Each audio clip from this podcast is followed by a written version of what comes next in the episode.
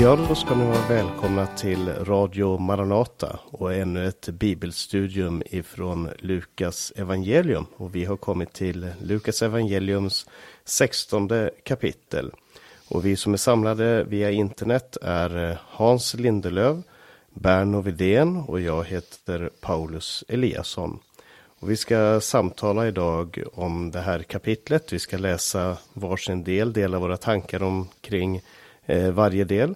Och vi hoppas att det ska bli till hjälp och välsignelse för dig som eh, lyssnar. Och har du möjlighet så ta gärna fram din bibel och följ med i eh, texten. Så ska vi se vad den heliga ande vill säga till eh, oss idag. Och eh, Hans, du ska få börja med att läsa eh, den första delen om den orättrådige förvaltaren som man brukar kallas. Varsågod. Ja, jag vill säga på en gång då att det är helt klart att det här var ju, det handlade om eh, tider då det inte fanns något internet och inga dokument eh, sparades på det viset som vi kan spara idag. Men vi läser ifrån början, kapitel 16 här i Lukas. Jesus sa också till sina lärjungar. En rik man hade en förvaltare som hos honom blev angiven för förskingring av hans ägodelar. Då kallade han honom till sig och sa till honom, vad är det jag hör om dig? Gör räkenskap för din förvaltning. Du kan inte längre få vara förvaltare. Men förvaltaren sa vid sig själv, vad ska jag göra då min herre nu tar ifrån mig förvaltningen? Gräva orkar jag icke, tigga blygs jag för. Men nu vet jag vad jag ska göra för att, man kom, för att man ska upptaga mig i sina hus när jag blir avsatt från förvaltningen. Och han kallade till sig sin herres gäldenärer, var och en särskilt. Och han frågade den förste, hur mycket är du skyldig, min herre? Han svarade, hundra fat olja. Då sa han till honom, ta här ditt skuldebrev och sätt dig nu strax ner och skriv femtio. Sen frågade han en annan, och du, hur mycket är du skyldig? Denne svarade, hundra tunnor vete. Då sa han till honom, ta här ditt skuldebrev och skriv åttio. Och husbonden prisade den orättrådige förvaltaren för att han hade handlat klokt. Denna tidsålders barn skickar sig nämligen klokare mot sitt släkte än ljusets barn. Och jag säger er, skaffa er vänner medelst den orättrådige mammons goda, för att det när detta har tagit slut ska ta emot er i de eviga hyddorna. Ja, jag måste erkänna att den här liknelsen har alltid vållat mig vissa problem. Jag, jag är verkligen inte klar med den. Den är inte klar med mig.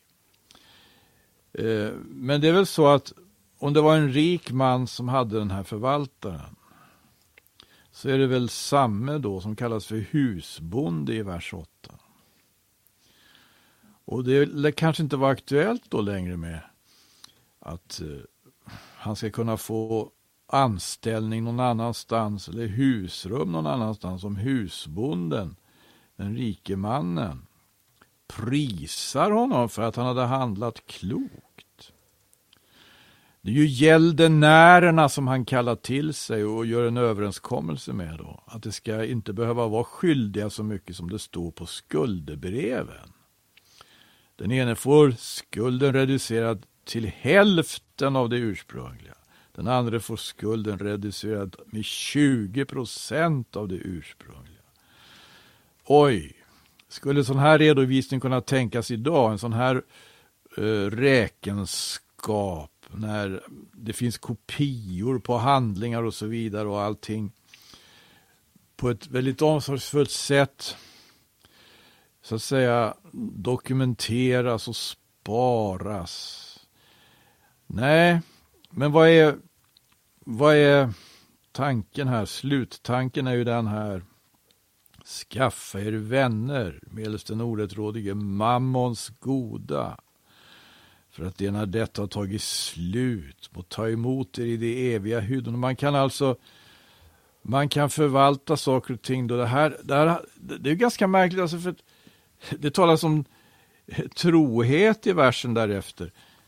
Och trogen var han ju knappast. Han var inte trogen. Han förskingrade verkligen sin herres ägodelar och han gjorde inte så, så mycket för att så att säga eh, för att i själva verket göra upp denna så att säga förskingring utan han såg helt enkelt till att förskingringen inte såg inte så illa ut då längre. Det såg inte så illa ut.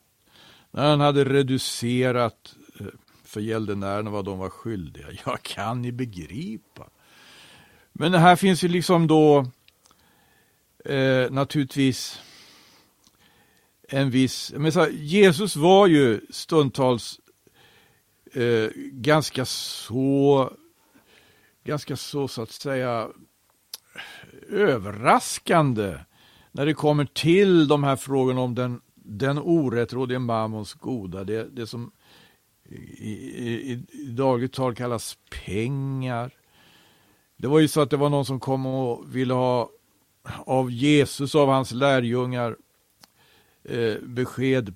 Brukar inte er mästare betala tempelskatt? Och då visste någon av lärjungarna inte riktigt vad han skulle svara.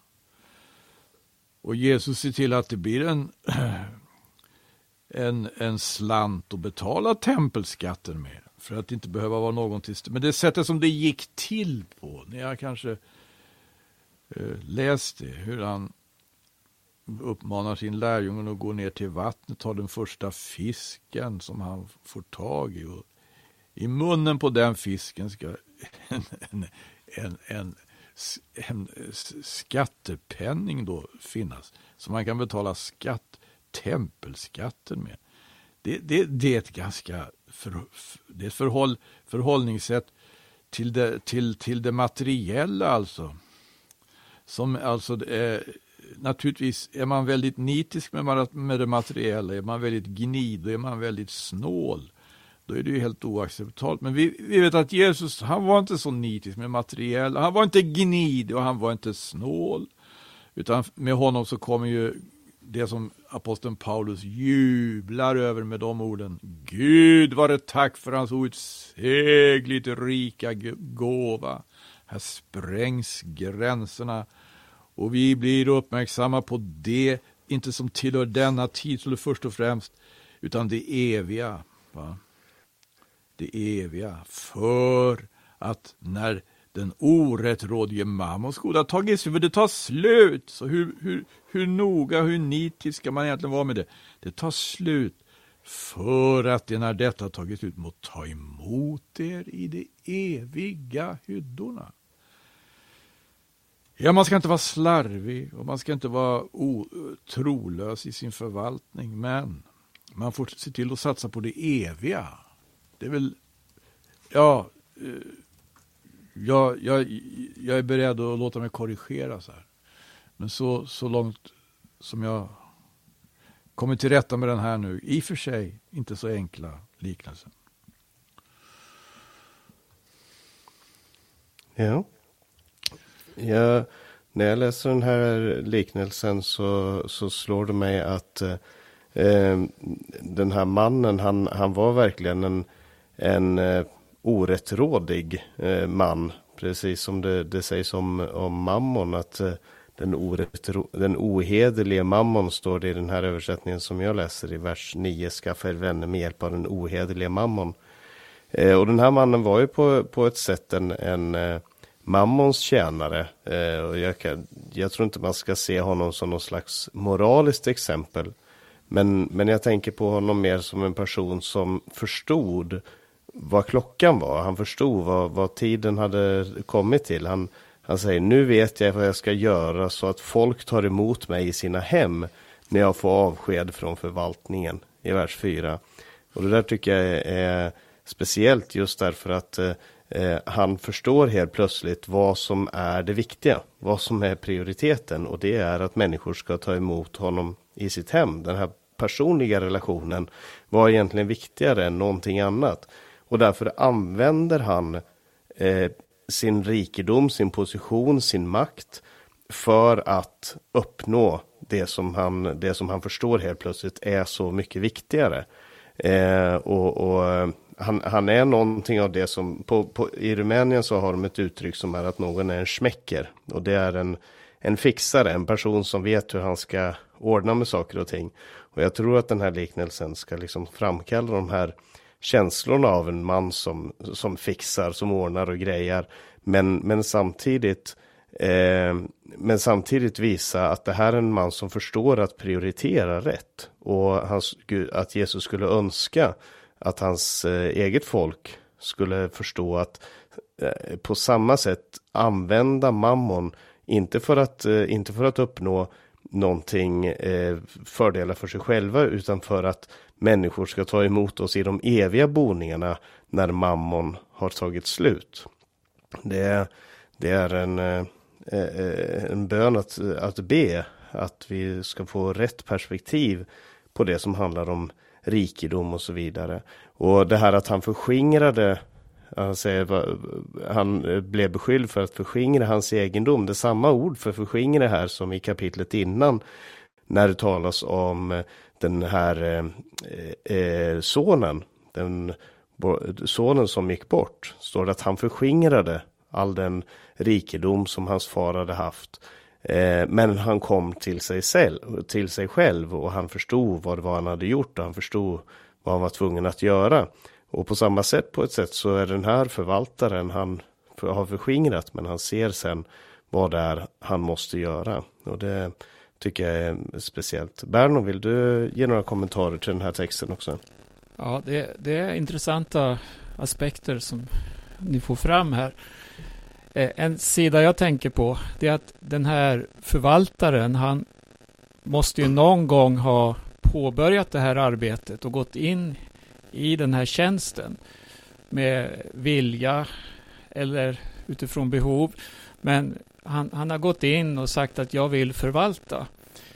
Och här ser vi då hur han allt eftersom tiden har gått har blivit nonchalant eller egoistisk eller vad det kan vara. Men hans herre, han eh, ser att det händer en förändring och, och man, man, ser här det här att han får en ny chans. Och, och, det är någonting man möter också i evangelium. Man får en ny möjlighet. Ibland eh, går vi fel. Vi, vi är, eh, agerar på fel sätt och kanske gör fel eh, beslut och så vidare.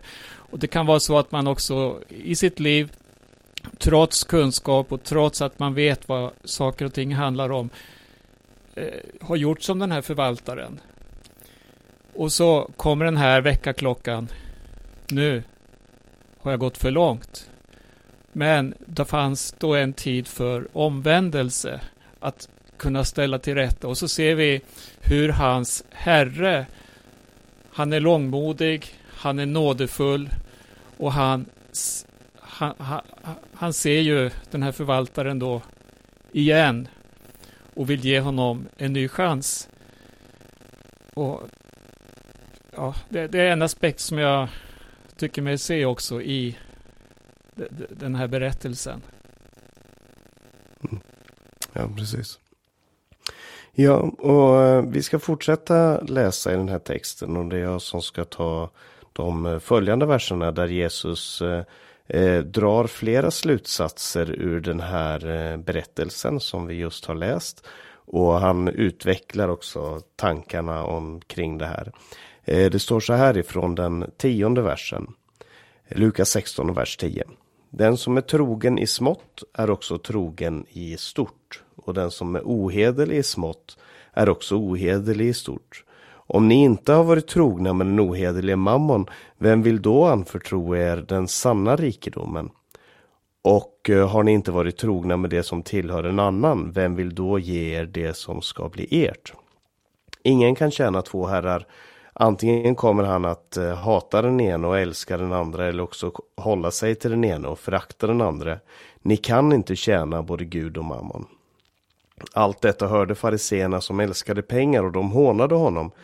Då sa han till dem, ni är sådana som rättfärdigar sig själva inför människor, men Gud känner era hjärtan. Det som står högt i människors ögon är avskyvärt inför Gud. Lagen och profeterna hade sin tid fram till Johannes. Sedan dess förkunnas evangeliet om Guds rike och alla uppmanas enträget att komma in. Men förr ska himmel och jord förgå än att en enda prick av lagen faller bort. Den som skiljer sig från sin hustru och gifter sig med en annan begår äktenskapsbrott och den som gifter sig med en frånskild kvinna begår äktenskapsbrott. Och den här texten tycker jag är spännande. Dels för det faktum att den utvecklar mycket av tankarna ifrån den första liknelsen.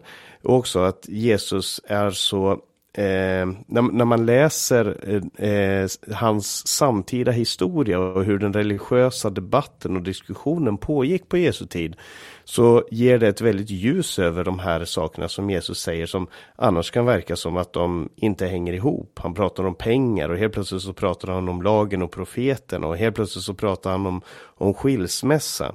Men vi, vi ska ta det här lite vers för vers eh, och se. För det, det, första som Jesus drar som nya eller eh, ytterligare slutsatser i den här berättelsen. Det handlar om trofast och lojalitet. Eh, på, på, ehm, eh, på hebreiska i gamla testamentet så används de här orden trofast och lojalitet väldigt ofta tillsammans med varandra. Det heter emona, är trofasthet, detsamma som vi har i amen. Eh, och chesed som betyder lojalitet, att vara, eh, att vara eh, lojal, lojal kärlek om man ska säga så. Och eh, de, de här begreppen de beskriver eh, väldigt ofta i Gamla Testamentet Gud och hans eget väsen.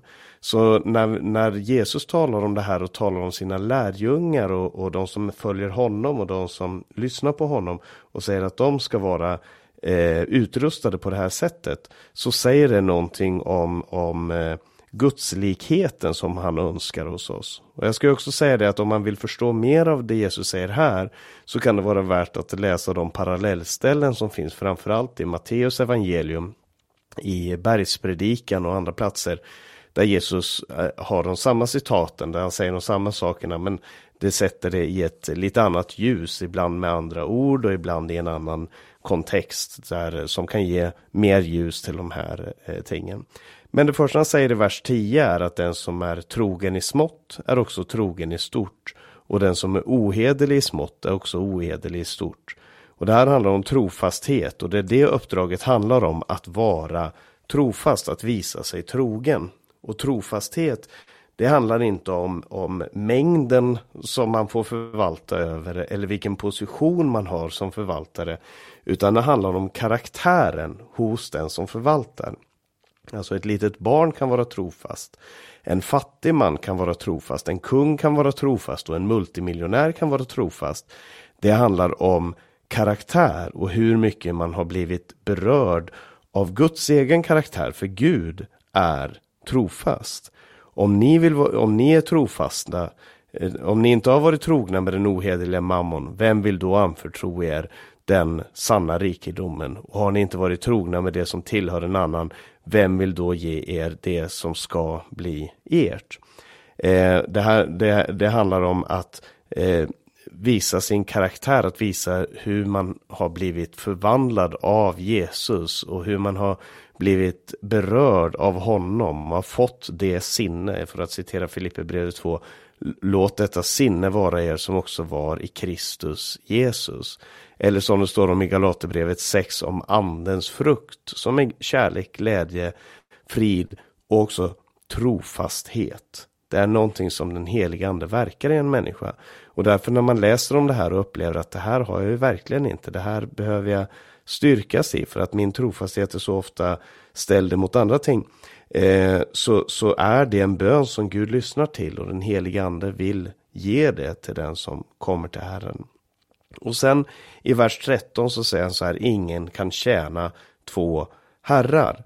Eh, antingen kommer han hata den ena och älska den andra eller också kan han hålla sig till den ena och förakta den andra. Ni kan inte tjäna både Gud och mammon. Och där handlar det om lojalitet. Var ligger vår lojalitet? Var hör vi hemma? Eh, man kan ha Gud och pengar. Alltså det finns ingen motsättning mellan att, att tjäna Gud och samtidigt äga pengar. Men ens lojalitet kan inte tillhöra båda. Eh, så är det inte med den här världens gudar, de, de gudar som härskar i vår tid. Där, de ingår i en panteon där, där makt och sex och pengar och alla de här olika eh, gudarna som människor tjänar, de, de går att tjäna hand i hand för att de, de leder oss alla mot det samma målet, nämligen fördärvet. Men Gud kan inte dela sin tron med någon annan. Gud som är trofast, Gud som är sann, Gud som är... Alltså det finns många lögner men det finns bara en sanning. Det finns många sätt att, att vara otrogen på men det finns ett sätt att vara trogen mot Gud på. Eh, och därför så kommer Gud och mammon eh, ofta att hamna på kollisionskurs. Inte därför att mammon är ond, men därför att han är orättrådig eller orättfärdig. Eller eh, ohederlig som det står i den här bibelöversättningen. Han, eh, mammon, rikedomen, det, mammon är ett annat ord för rikedom eller pengar. Eh, det, det kan inte vara en människas ledstjärna. Eller det får inte vara, det är det väldigt ofta, men det får inte vara det. Eh, och sen så i, i vers 15 för att fariseerna som älskade pengar hörde honom och de hånade honom och i vers 15 så står det då sa han till dem, ni är sådana som rättfärdigar sig själva inför människor, men Gud känner era hjärtan. Det som står högt i människors ögon är avskyvärt inför Gud. Och här vänder Jesus upp och ner på deras egna värden. Och han säger att ni använder Guds ord och ni använder tron för att rättfärdiga er själva. Ni använder Gud för att försvara era egna lustar och ni försöker hitta i skriften, ni försöker vrida och vända på det Gud har sagt. Men det lyser igenom att motivationen är inte att söka Guds vilja utan motivationen är att tillfredsställa sig själv och sina egna lustar och det man själv egentligen vill personligen. Man söker inte Guds vilja utan man söker sin egen vilja. Och Därför så säger Jesus i vers 16 att nu går en kallelse ut. Han säger lagen och profeterna hade sin tid fram till Johannes. Sedan dess förkunnas evangelium om Guds rike och alla uppmanas enträget att komma in. Det, det går ut en kallelse till fariseer och syndare och publikaner och prostituerade och alle, allihop går det ut en kallelse till. Man uppmanas enträget att komma in i Guds rike, vilket betyder att leva på ett nytt sätt. Att färdas i den här världen på ett nytt sätt, att umgås på ett nytt sätt. Eh, att ha ett nytt förhållande till pengar, bland annat, som är det Jesus fokuserar på här. Eh, och, och, och, och att leva ett nytt liv. Och, så, och i det sammanhanget så kommer vers 16, där han, äh, äh, vers 18 menar jag, där han säger det här, i vers 17 säger han, förr ska en himmel och jord förgå än att en enda prick av lagen faller bort. Alltså det finns ett, ett mål med lagen och det, det målet är, är hjärtan som är formade efter Guds vilja. Eh, lagen förmår inte det i sig själv, men den heliga ande, det Jesus har gjort för oss på Golgata, det skapar en, en jordmån där, där Guds vilja kan växa fram. Och i det sammanhanget så säger han, med den som skiljer sig från sin hustru och gifter sig med en annan begår äktenskapsbrott. Och den som gifter sig med en frånskild kvinna begår äktenskapsbrott. Och det här var en diskussion på Jesu tid. Och här identifierade Jesus också det här att man eh, utnyttjade lagen för att leva efter sina egna lustar. Man utnyttjade lagen för att säga, ja men eh, vi, vi, kan göra så här för att vi har hittat ett kryphål här. Vi, har, vi, kan, vi kan skilja oss, vi kan eh, välja våra hustrur och, och vraka våra hustrur som vi själva vill för att vi har hittat ett, ett kryphål här i lagen. Vi tycker i alla fall och, och vi, om vi tolkar det så här, om vi vrider på det så här så får vi det dit hän, dit vi vill. Och Gud sa, det är inte sättet, det är inte vägen att gå. Det är, eh, det, är det motsatta av vad Gud hade tänkt. Och det, det är det Jesus säger här. när han helt plötsligt, det verkar som, när man, när man läser det isolerat så verkar det som att Jesus byter ämne fullständigt. Och sen hoppar tillbaka till näst, samma ämne för att eh, som, som Berno ska dela med sig här i texten så fortsätter han att tala om en rik man och en fattig man. Men det, det hör faktiskt ihop för att det handlar om vårt förhållande till Guds vilja och, och vårt förhållande till vår egen vilja. Vem är det vi vill tjäna? Och det är det jag tror att eh, eh den här delen av texten i Lukas 16 vill eh, undervisa oss om. Amen. Eh, Berno, hade du några tankar om den här texten också? Mm. Eh, jag ser kopplingar i den här texten då till nästa avsnitt som jag själv ska ta upp. Just att eh, bland åhörarna till, till Jesu undervisning här så ser vi ju att fariseerna fanns med och de som älskade pengar och hånade honom. Så på ett sätt är det här ett väldigt riktat budskap till eh, just de som förtrycker människor. De som har fått en uppgift att vara förvaltare, att förmedla Guds ord, att eh, vara föredömen i allt. Istället så har de ställt sig ovanför människorna och missbrukat sin ställning. Ja, precis. Eh, Hans, har du också några tankar om, omkring det vi har läst nu? Ja, jag tycker ju att eh, det är dramatiska svängar som Jesus gör här måste jag säga. Och, eh, men det här är oerhört, det är oerhört det här. Fascinerande och allvarligt.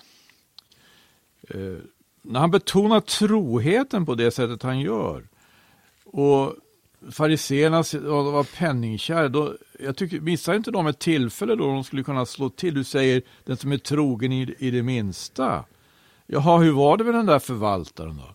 Men nej, det var en, en annan sida som eh, då lyftes fram. Nu kommer det här med att Guds rike predikas. Lagen och profeterna har haft sin tid intill Johannes. Sedan dess förkunnas evangelium.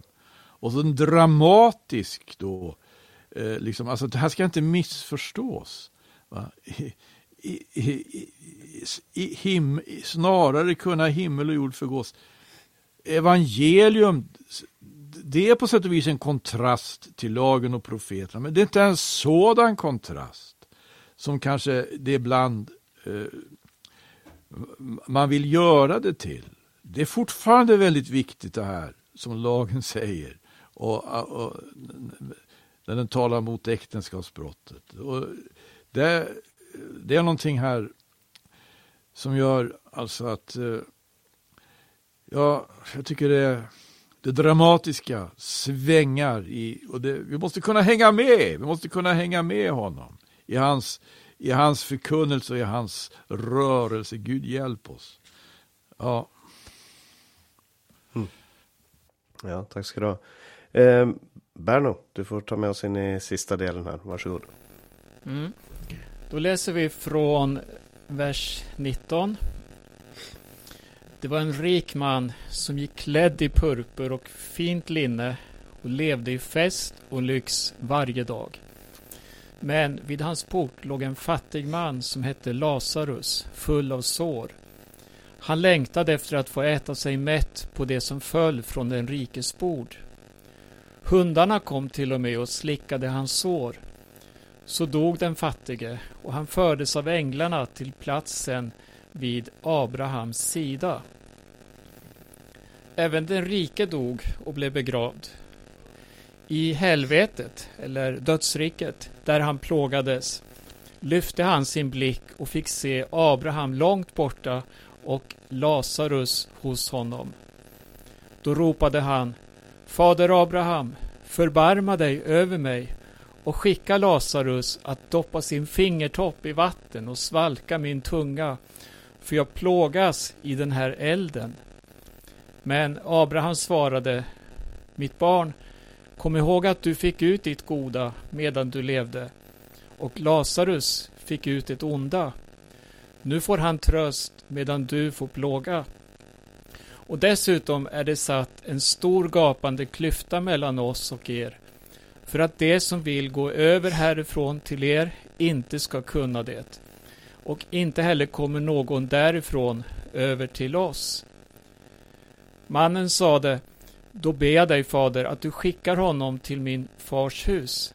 Jag har fem bröder och han måste varna dem så att inte de också kommer hit till plågans plats.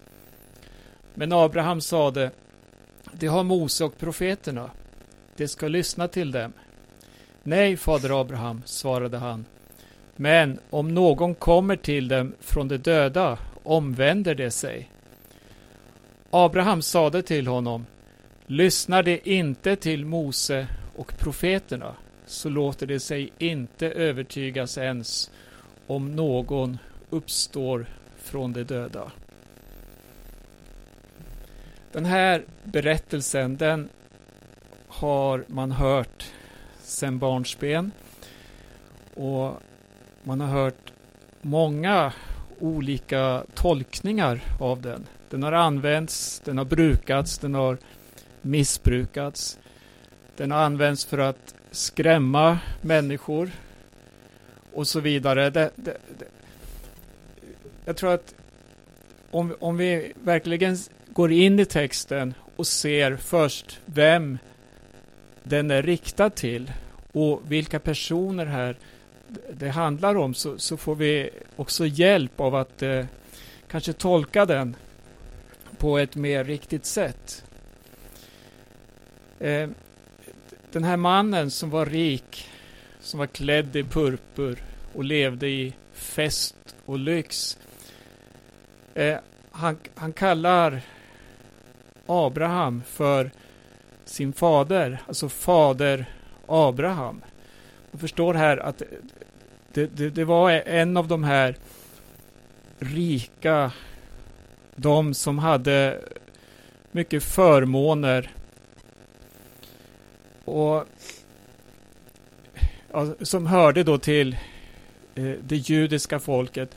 Och många av de präster och fariseer som Jesus konfronterades med, eh, som vi kan läsa om vid flera tillfällen, de levde i lyx och överflöd.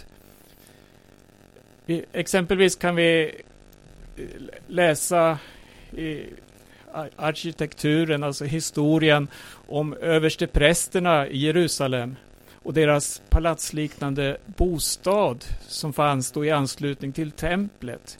Det var överdådiga byggnader. Det fanns en, en lyx och ja, det, det fanns en livsstil där som vi kan gång på gång läsa om hur Jesus han tillrättavisar just den här livsstilen. Hur man på bekostnad av andra då lever sitt liv. Och eh, det står så här, jag skulle vilja gå lite tidigare i Lukas. Så bara för att peka på just hur Jesus han angriper fariseerna just på de här punkterna som har med ekonomi att göra. I Lukas 11, 42 så säger Jesus så här. Ve er fariseer, ni är tionde och mynta, vinruta och alla grönsaker, men missar rättvisan och kärleken till Gud. Ni borde göra det ena utan att försumma det andra. Ve er fariseer, ni älskar de främsta platserna i synagogorna och att bli hälsade på torgen.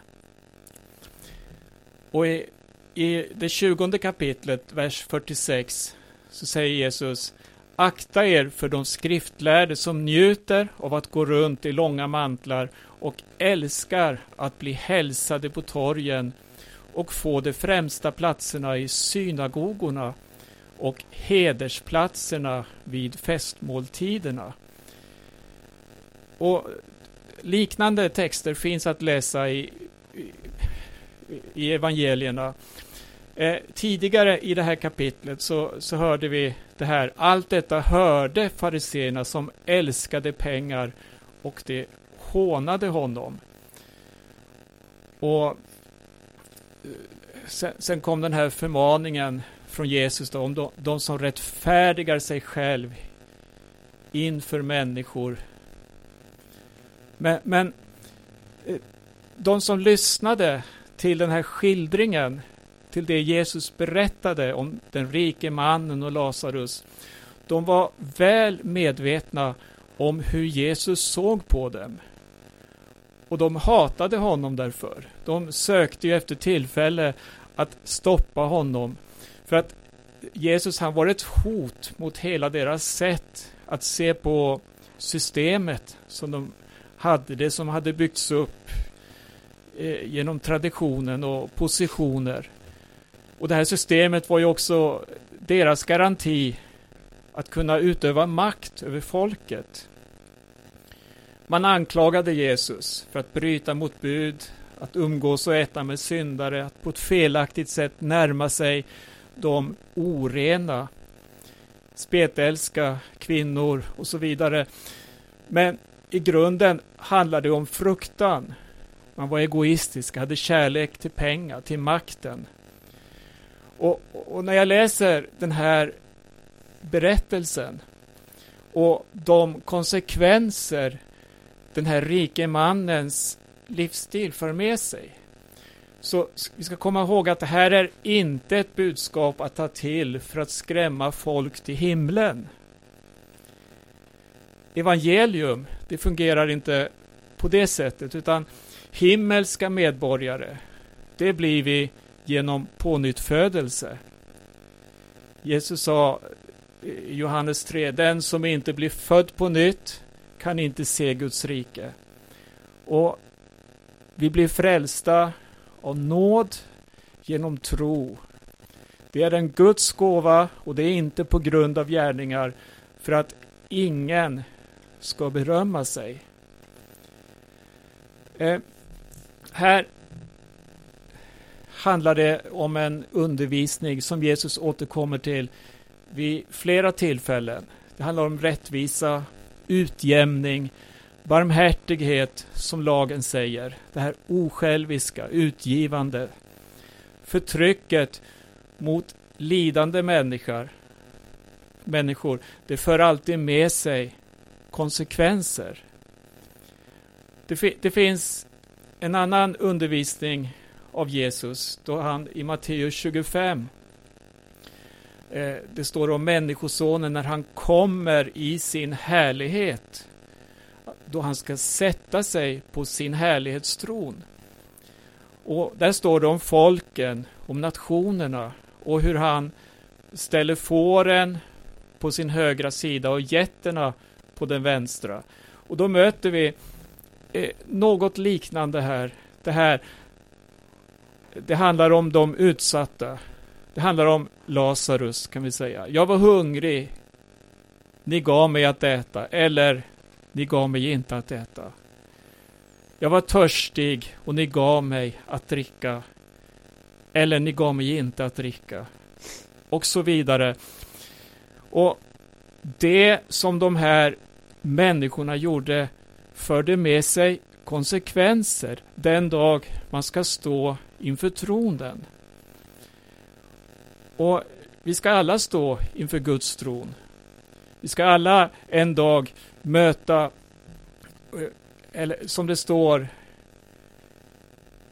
eh, i Matteus 16 står det så här att Människosonen ska komma i sin fars härlighet med sina änglar och då ska han löna var och en efter hans gärningar.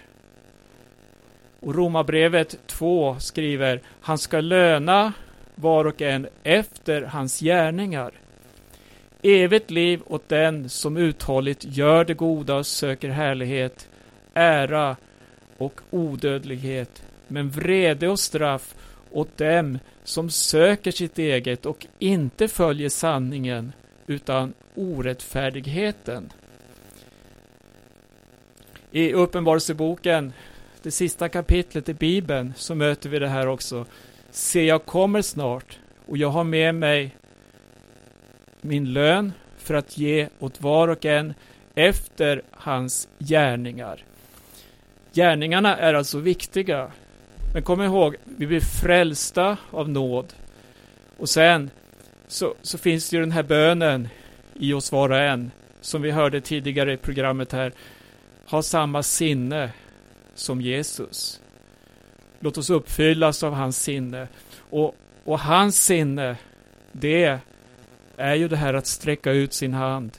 Församlingens eh, signum här i tiden, alltså Guds församling, alltså Jesu Kristi kropp här i tiden, det är just det här att dela med sig åt den som inte har något. Texten, den är väldigt allvarlig. Den visar på de yttersta konsekvenserna för hur vi lever vårt liv.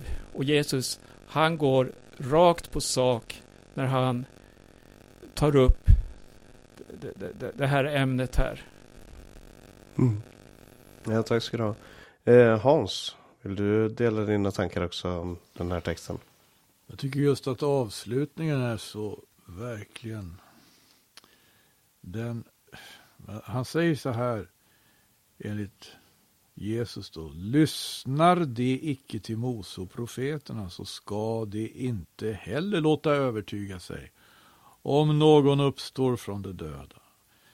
Så vilken position han upphöjer lagen och profeterna till här.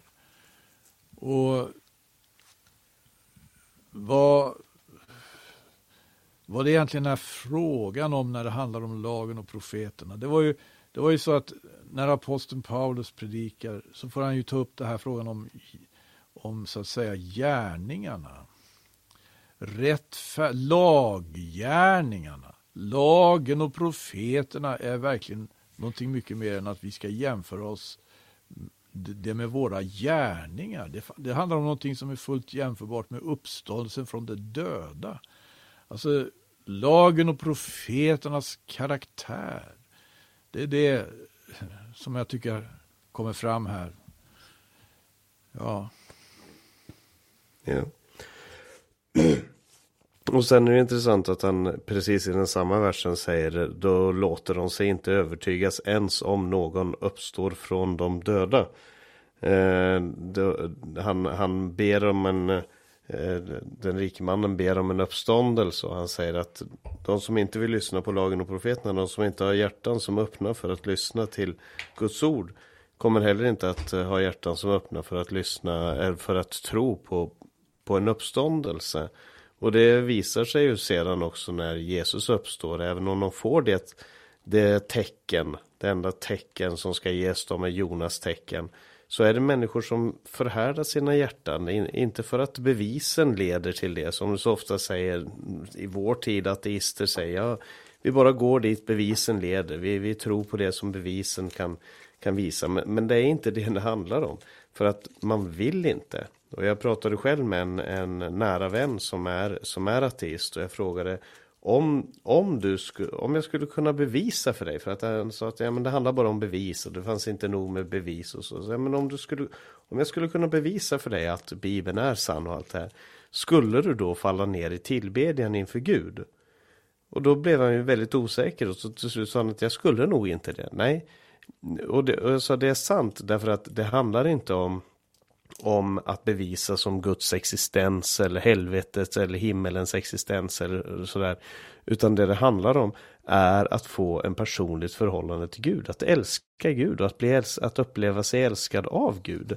Eh, de som inte vill lyssna på Mosoprofeterna, alltså det som har varit Guds röst. De kommer inte låta sig överbevisas av någon uppståndelse heller.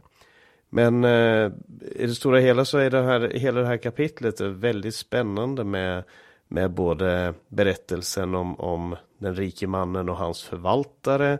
Och sen vrider Jesus lite på det här och talar om en rik man och Lazarus. Intressant att Lazarus är den enda i Jesu liknelser som faktiskt får ett namn. Eh, om det ens är en liknelse. Det, han säger inte att det är en liknelse. Men, eh, men eh, den här eh, berättelsen den, den eh, utmanar eh, oss som troende. Den utmanar den som säger sig vilja tjäna Gud och leva för Gud.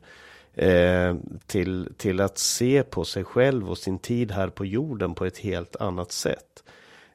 För att det, det, jag tror att det är det som den här texten verkligen handlar om. Att eh, se sin tid här på jorden som en, som en vandring emot någonting annat och mot någonting större. Och att leva med det för ögonen. Alltså den människa som har Maranataropet levande i sig eh, kommer leva på ett annat sätt. Den människa som har blicken fäst emot det kommande kommer att uppleva den här världen på ett annat sätt än den här världen eh, upplever, eh, upplever den. Alltså när, när graven är slutet, när, eh, när den här tiden är slutet, då, då blir det i bästa fall hedonism av allting. Men när mötet med Gud är slutet, när gemenskapen med, i himmelen och, och gemenskapen med Gud som skapare och frälsare och den som älskar oss, när det är målet, då är det någonting helt annat som blir prioritet. Och då tror jag att alla de här andra sakerna, våra egna lustar och, och, pengar och allt det som vi kan få i den här världen, det blir sekundärt. Det hamnar där det ska, det får sin rätta plats. Och det är att vinna människor för den eviga världen. I den första berättelsen här så sa han, jag vill att människor ska ta emot mig i sina hem när jag får avsked från förvaltningen. Sen så använder Jesus det här och säger skaffa er vänner med hjälp av de ohederliga mammon så att de tar emot er i de eviga boningarna när mammon har tagit slut. Alltså gemenskap i de eviga boningarna. Och sen i liknelsen som han berättar sen så är det två personer som inte har gemenskap i de eviga boningarna utan som har hamnat på varsin sida. Och det, det är en allvarlig uppmaning, en uppmuntran och, och en kallelse som går ut här från eh, lagen och profeterna hade sin tid sa han här i texten. Men nu går det ut en kallelse genom Guds evangelium. Alla uppmanas enträget att komma in i Guds rike. Och det får vi säga till dig som lyssnar på Radio Maranata att det går ut en kallelse om att komma in i Guds rike här och nu. Komma i tjänst för Guds rike här på jorden och leva för honom. Och vi önskar verkligen att du ska få göra det. Och vi som har samtalat här tillsammans är eh, Berno Vidén, Hans Lindelöv och jag heter Paulus Eliasson. Eh, Berno, var det någonting du ville säga innan vi avslutar här? Ja, eh, innan vi avslutar programmet då så eh, vill ge en påminnelse bara om att vi ska fortsätta att bedja och offra för våra syskon vi har i Ukraina. Eh, kriget där har gått in i en ny fas och det är fasansfulla rapporter som vi nås utav. Och i och med att församlingen har eh, direkt kontakt varje dag i stort sett med pastor Vasili så, så förmedlar han hjälp som vi skickar till honom han köper mat, åker runt och delar ut till många familjer. Och det är en fruktansvärt svår situation som eh, inte har någon ände verkar det som. Men, men eh, var med och bed för våra syskon i Ukraina och var också med och ge en gåva som vi kan förmedla till Ukraina. Och jag ska nämna plusgironumret här. Så att du kan sätta in en gåva som du märker då med Ukraina och vi ser till att den kommer dit eh, direkt på plats där. Och plusgirot är 44 10 05 6. Vi har också ett swishnummer som är 123 155 1571 och det finns eh, rapporter att läsa på hemsidan maranata.se. Maranata.se. Och där kan du hålla dig uppdaterad också. Och där går också att lyssna till programmen från Radio Maranata. Mm. Amen. Så eh, önskar vi Guds rika välsignelse och vi eh, ska fortsätta att läsa ifrån Lukas evangelium kommande veckor. Vi får se om någonting annat dyker upp eh, emellan här som vi tar upp. Men vi kommer sakta men säkert att fortsätta med det här också om Herren dröjer och vi får leva. Så önskar vi er Guds rika välsignelse och på återhörande igen.